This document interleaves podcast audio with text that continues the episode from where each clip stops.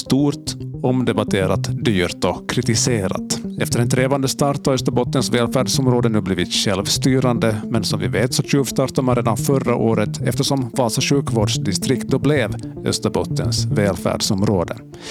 Det var ett år som kantades av haltande löneutbetalningar, långa väntetider och till råga på allt en pågående brist på vårdpersonal.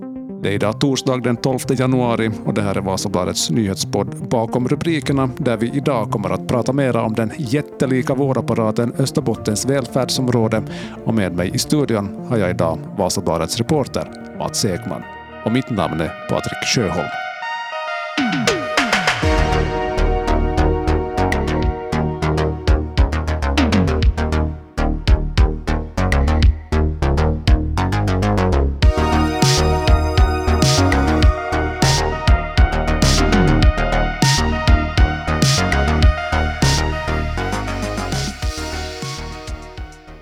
Mats, du har rapporterat och följt eh, Österbottens välfärdsområde under sitt första levnadsår. Om man skulle göra någon slags liknelse till, till hur, hur en människa utvecklas så skulle en bebis vara redo att gå vid ett års ålder. Men hur är det med välfärdsområdet? Kan det nu stå på egna ben? Ja, det tror jag nog. Det var, det var ju ingen, ingen bebis, det var en ganska gammal människa som föddes, föddes här förstås, som tog över de här organisationerna från tidigare.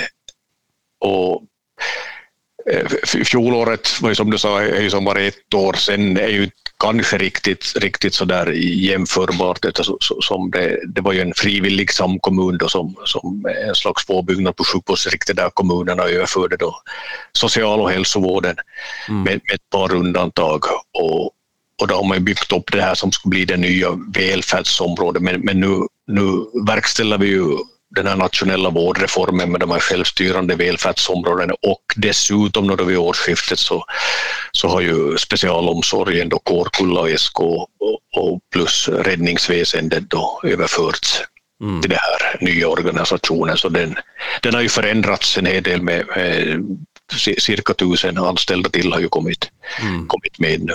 Mm. Så hela Men eh, nog, som, eh, det, det har ju varit vissa, vissa svårigheter men, men bebisen står ju på egna ben eller den är ju ganska, ganska vuxen och i mogen ålder den här, den här organisationen fast den är ny. Ja, det byggs på det gamla om man säger på det sättet. Ska man se fjolåret som en uppvärmning för, för det här året då? Från första i första när, när det är självstyrande på det viset?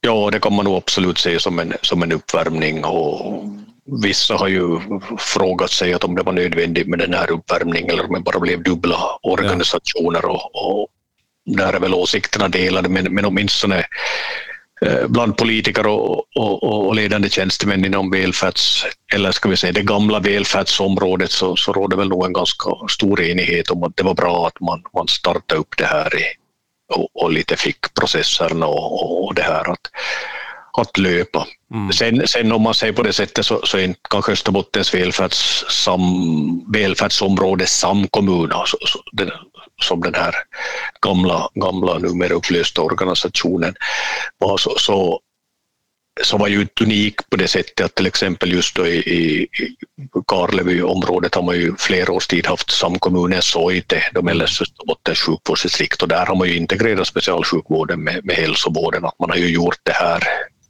hur om du plockar någonting från, från vad vi har rapporterat om välfärdsområdet under, under fjolåret, då, att vad, vad, vad upplever du, vad funkar och vad har inte funkat för, för deras del? No, de anställda så har ju ett klart svar på det här, ja. lö, lö, lönerna och det är ju kanske det, det, eller det är nog det viktigaste som en arbetstagare förväntar sig av sin arbetsgivare, att lönerna ska, ska komma i tid och, och vara korrekta. Och det har man ju haft problem med av olika orsaker och har inte riktigt fått det funde, att fungera och, och här så eh, medgav man ju att man, man lite kanske över, överskattade de resurser man hade då, då man tog över det här. Att man, mm. man har sagt sen efterhand att man, man underdimensionerade helt enkelt. Att de här lönebetalningarna har gjorts i, i kommuner och samkommuner och, och sen ska uppgifter överföras till välfärdsområdet och, och men eh, den här personalen från kommunerna följde ju inte med på det sättet att man var beroende av det underlag man, man hade. Men så, som man självkritiskt och ärligt har sagt att man mm. var inte riktigt beredd på hur mycket jobb det var. Och det problematiska är det att det pågått så länge förstås, så jag kan ju förstå att, att vad heter det, en del anställda börjar vara ganska ja. trötta på, ja. det, på det här. Ja. Men vad är situationen idag? Går allt på räls nu då eller? Gällande utbetalningarna? Då det gäller lönerna så nu, nu är det ju faktiskt så att, att den första lönebetalningsdagen så blir ju fredagen den 13 och man skrockfull kommer man ju. Man ska inte vara vidskeplig. Nej, man ska inte vara vidskeplig. Det är en dag som alla andra dagar. Men då ska den första utbetalningen av löner ske till, till ordinarie anställd personal, alltså till vidare, tills vidare anställda och, och då vad jag har förstått och så, så tycker man att processen är ganska bra skick men också gör samma gardering här att man är beroende av av det underlag de har från, från de här mm. tidigare arbetsgivarna och att ja. det fungerar. Ja, det får vi se på fredag. Ja, ja, fredag då. Man tycker väl ändå att man har haft tid att förbereda sig på det här? Ja, där har, de ju ändrat, ändrat nog och förstärkt organisationen och blivit lärt sig förstås av, av, av misstag och, och, och bristande resursering och, och sånt. Och det, det, måste man ju säga till välfärdsområdets försvar, det är, ju, det är ju många olika organisationer som har sammanförts, kommunala organisationer och, och, vissa har haft kanske sitt system och andra har haft sitt system. Och, och, sånt. och sen i ett sådant här stort område nu som är med över 8000 anställda så är ju folk som börjar, folk slutar, folk jobbar deltid, folk har ja. olika slags tillägg och sånt. Så det kan ju vara vissa problem. Men å andra sidan som, som de fackliga företrädarna har, har sagt att det är arbetsgivarens sak att se till att arbetstagarna får sin lön. Ja, precis. Själva vårdaspekten då, har, har tillgången till vård på något vis förändrats det senaste året för österbottningarna? Det är kanske svårt att säga att det skulle ha ändrats på, på grund av just den här, här nya strukturen, men sen har vi ju andra, andra orsaker. Vi, vi har haft den här coronapandemin och vi har den här bristen på vårdpersonal och sånt och vänteköer så, som just beror på, en del kan ju bero direkt på, på pandemin och, och, och sån vårdskulden så att säga som, som har uppstått. Så, så det har ju inte funkat kanske riktigt, riktigt bra. bra. Det, det var ju här också inledningsvis så, så blev det ju problem till exempel med nya telefonväxel och sånt. Man tänkte att alla skulle börja ringa nya nummer men, men eh, folk var ju vana, vana vid sina gamla nummer och sånt så, så, så man lite backa där.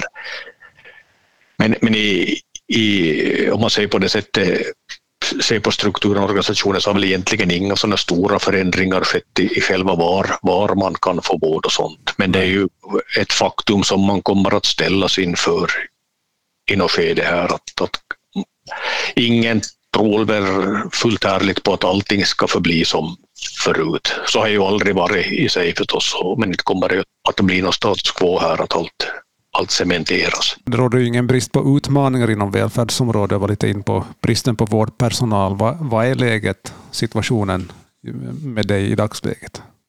Ja, det är ju ett nationellt, nationellt problem här, så svårt att, att få, få vårdpersonal och är ju en del, del som har slutat och bytt, bytt jobb och sånt, bytt bransch så det, det säger man ju nog att det är det här svårt, hur, hur ska man få ny eller personal att dels kanske återvända som, som, har bytt om och, och bytt jobb och, och bransch och kanske land, land rent av och dels för att, att kunna få nya rekrytera. Det, det är ett lite nationellt problem det här som, som alla, alla slåss om samma yrkeskunniga personal. Risken är förstås alltid det där som, som i alla andra organisationer, om det blir för få händer så, så, så blir ju den personalen får en hög arbetsbelastning och då kanske man blir ännu mindre intresserad av att fortsätta och, och så bara förvärras den här situationen. Ja. Samtidigt har man ju sagt också att, att, att personalen brinner ju för det de gör och, och, många trivs ju jättebra med sina jobb och tycker att det är ett bra jobb, meningsfullt jobb. Och, ja. och det är det man måste kanske bygga vidare på här. Ja. Den bristen på vårdpersonal det är ett nationellt problem, men finns det någon aspekt som, som är liksom unik för Österbottens välfärdsområde när det kommer till, till den biten? Jag tänker på språkkrav och liknande. De har gett vissa undantag på vissa enheter i det här nya, att du, du kanske inte behöver ha så bra, bra kunskaper i det språk som inte är så vanligt på ja. just den här, den här enheten och kan få undantag. Men såklart tvåspråkigheten är, så, så betyder det ju att, att det kan ju vara svårare att rekrytera från andra, andra håll och samtidigt har vi ju närheten till, till Sverige och Norge. Vi är ja. ganska låg tröskel för att söka sig dit så, så det försvinner ju en, en del yrkeskunniga människor också, också dit det, det är ju det man funderar på, de här att eh, välfärdsområdets ledning och strategi och det här hur man ska göra så att välfärdsområdet blir en attraktiv arbetsplats som, som gör att folk söker sig dit och, och blir kvar.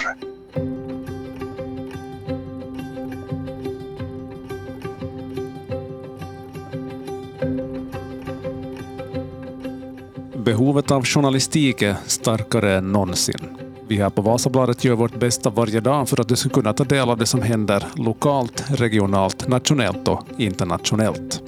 Att prenumerera på Vasabladet är det bästa sättet att stödja vårt arbete så att vi kan fortsätta bevaka händelser och skeenden i samhället.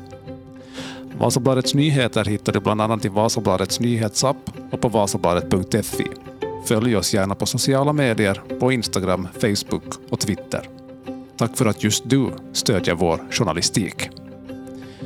Och nu har du som lyssnare och inte prenumerant möjlighet att prova på Vasabladet en månad för endast en euro. Det ger dig tillgång till allt innehåll på nyhetssajt och i VBL-appen. Allt du behöver göra är att söka dig till vbl.fi podd. Tack för att du lyssnar på Bakom rubrikerna.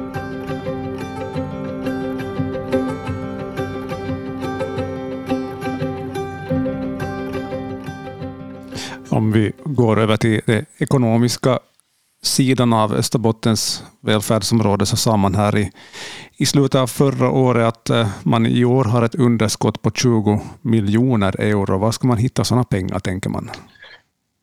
Ja, det, det där siffran, siffran har ju levt lite och, och, och kommer att leva in. Och, och just nu så räknar man faktiskt att det finns ett, ett, ett sparbehov på 70 miljoner euro under, under en treårsperiod. Okay. Men eh, sen så förväntas ju nog allmänt att regeringen kommer att skjuta till lite mer pengar till de här välfärdsområdena så, så att antagligen blir det inte så där stor så, så jag tror att, att det är det man kanske väntar på nu lite att regeringens drag här hur mycket. Mm.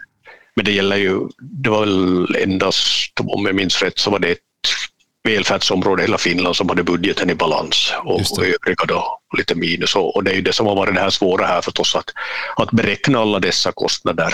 Mm. Och, och, staten ger ju här en, en finansiering på, vad det första bottens del 700 över, över 700 miljoner och sen har man som har fastställt och sen så har man ju patient och klientavgifter och andra inkomster som kommer in. Så, så det är en budget som landar på 800 miljoner. Och om man tänker på det sättet att det, det, det handlar över 800 miljoner så kan ju man tycka att, att några tiotals miljoner är inte riktigt många.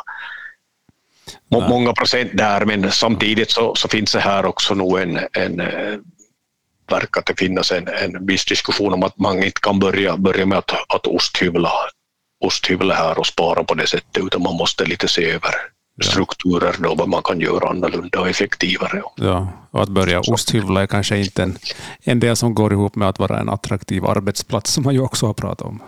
Ja, det, förstås. Jag, tror inte det skulle vara riktigt, riktigt bra lösning att man skulle säga att nu börjar vi med permitteringar. Nej, precis. Så det man gör är att man sitter och lite avvaktar på vad, vad kommer ur statens plånbok i det här skedet? Ja, eh, dels det, men, men samtidigt har man också in, inlett ett process med, med, flera olika arbetsgrupper här där man ser på hela, genomlyser hela verksamheten, att var kan, vad kan man göra annorlunda, vad kan man göra effektivare och kan man använda personalen effektivare och, och, och mer rationellt och sånt. Så, och det här är ett arbete som ska, eller de här resultaten då, förslagen ska presenteras, det, det, det folkvalda då här i våren för sommaren någon gång. Okej, okay, precis. Och det som redan varit på tal redan då före jul så var ju fastigheterna. Ja, det och välfärdsområdet förstås som, som består av så här många kommuner och samkommuner så, så har ju en massa fastigheter, hus, hyrda lokaler, egna lokaler överallt i Österbotten. Och, och här kommer det förstås säkert att ske en viss, viss jag ska inte använda ordet centralisering, men man kan se över att vilka, vilka fastigheter man behöver. Har man för stora, stora lokaler på vissa ställen och för små på andra och sånt. Och eh, nu, har, nu det enligt den här lagen och vårdreformen som betyder att, att välfärdsområdena som förbinder sig att hyra, hyra de här, hyra de här eh, nuvarande lokalerna i tre år då av, av kommunerna med, med optionsår. Då, men, men efter det så kan det bli förändringar. Ja, okay. från och med den 1 januari 2023 så har också, nu har du då hela landet så kallade välfärdsområden. Kan man säga att vi här i Österbotten har vi vann vi någonting på att, på att införa vårt eget välfärdsområde för, före resten av landet? Ja, nog, nu, tror jag det egentligen. Visserligen så de här, de här nya organisationerna ta sin forma sig här efter det välfärdsområdesvalet. Jag tror nog i alla fall att det, Österbotten har lite försprång då jämfört med andra områden tack vare att man har, man har in social, social och, och hälsovården in i den här, den här organisationen redan nu istället för att börja det kommer i alla fall ett par nya istället för att börja riktigt och från scratch som, som ju en hel del välfärdsområden kommer att göra. Tror du att man kommer att få se nu då, eller har det redan varit rapporter om att, att andra välfärdsområden går igenom samma stapplande steg när det kommer till löneutbetalningar som, som vi hade här vid, vid den här tiden förra året och har delvis fortfarande. De, de, har ju haft stora problem i Helsingfors med de här löne, lönebetalningarna också. Det, det blir ju intressant att se säger förstås i de här om, andra områdena hur man har lyckats, lyckats med det. det. Det vet vi då 13. Jag antar att det, det är allmän lönedag för, för de flesta områden här. Ja, precis. Det kommer att se ut. Tror du att eh, de på välfärdsområdets kontor sitter och agerar konsulter för andra områden? Hur har ni gjort det här och hur ska vi göra det här? Ja, åtminstone så, så har välfärdsområdets direktör Marina Kinnunen nog berättat att hon har, hon har nog fått svara på frågor om, om det ena och det andra. De, de har ju bildat nätverk och sånt där, de, de här välfärdsområdesdirektörerna, där de utbyter tankar och sånt. Ja. Men, men alla, alla områden har förstås sina, sina, sin, sin egen särprägel och sånt förstås och olika förutsättningar och sånt. Så när det, om, om det börjar blåsa så står man ju nog ensam där i, i stormen. Man kan ju inte hålla något annat välfärdsområde i handen utan jag menar att det här självstyrande området ska klara sig då med, mm. på egen hand ja, för de resurser man har fått. Kommunerna är ju helt, eh, som ju kanske eh, en del kanske kan ha lite svårt att, att som komma ihåg att kommunerna är ju frikopplade från det här helt och hållet. Ja.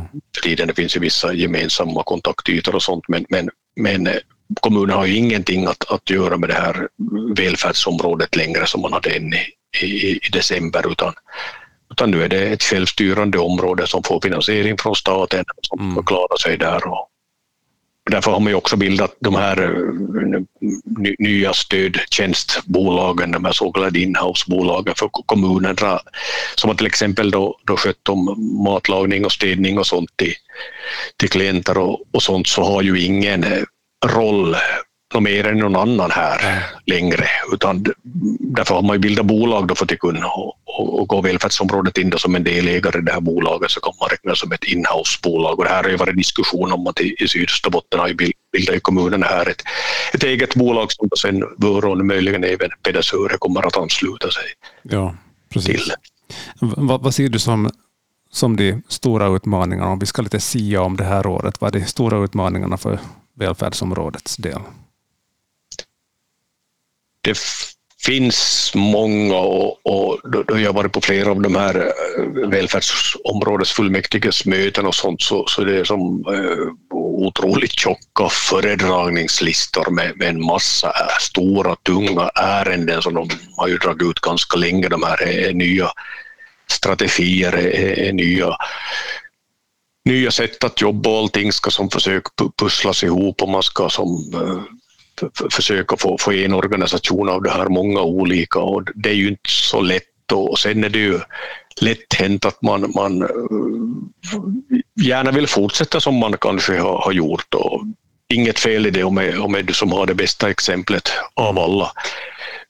Så kan det hända att du till och med kan vara förebild för andra, andra enheter men, men man kan ju man ska ju inte enligt det här välfärdsområdet och hela tanken bakom det här ska man ju bara se på sin, på sin egen, egen butik utan man ska se till en helhet. Och det här är ju lätt att säga då men, men vi vet ju alla att sen i något skede så, så blir ju helheten blir ju en fråga om ja. detaljer och då handlar det om geografi och var ska den här servicen finnas och var ska den här enheten finnas och, och vad ska de göra och sen så har vi ett folkvalt fullmäktige då förstås som också har fått största delen av alla de här ledamöterna har ju fått största delen av sina röster just från den egna hemkommunen som förväntar ja. sig att det ska finnas. Så, så det kan nog bli den här en, en svår bit att, att som bygga en, en, en, ska vi säga, en organisation av så här många, många pusselbitar som dessutom sträcker sig från Kronoby, Kronoby norr till Kristinestad i söder med, med lite, olika, lite, lite olika förutsättningar och, och, behov och sånt. Så det kan bli svårt att, att man, man ska väl säga att vi är en för alla, alla för en. Ja. I, kanske lättare att, att, att, skriva på ett papper och rita, rita upp ett, schema men sen när det går ner till, till praktiska. Skulle det finnas pengar i överflöd så skulle det inte förstås vara något problem men det finns ju inte och också om man nu lovar, lovar lite mer finansiering där så innerst inne tror jag de, de nog kanske flesta förtroendevalda här inser att med tanke på statens stora upplåning och sånt så kan det inte bara, bara fortsätta att man får mer och mer pengar.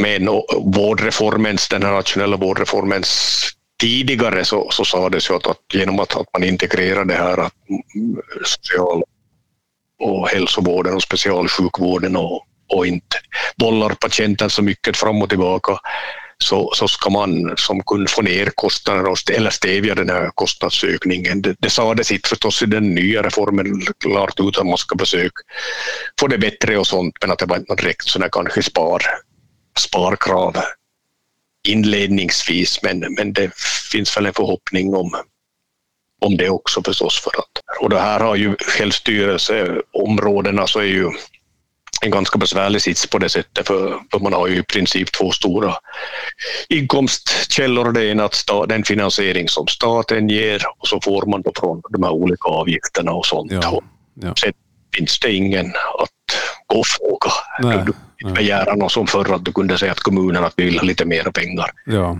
ja.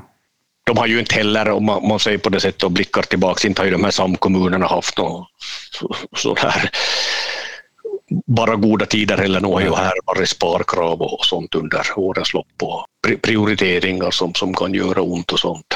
Ja, så lite smekmånad nu i början men sen kan det bli andra bullar? Ja, det, det är jag illa rädd för att det, det kan bli mm.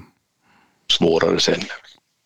Det är en följetong som får en lång fortsättning, låter det som. Jag tackar så mycket för det här Mats. Jo, tack.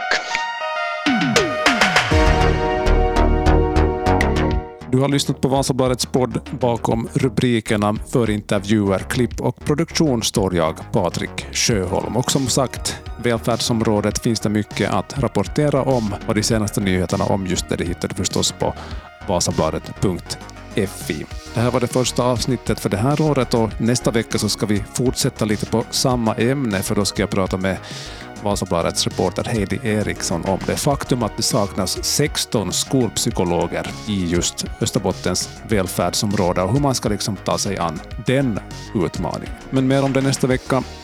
Tusen tack för att du lyssnar. Ha det gott.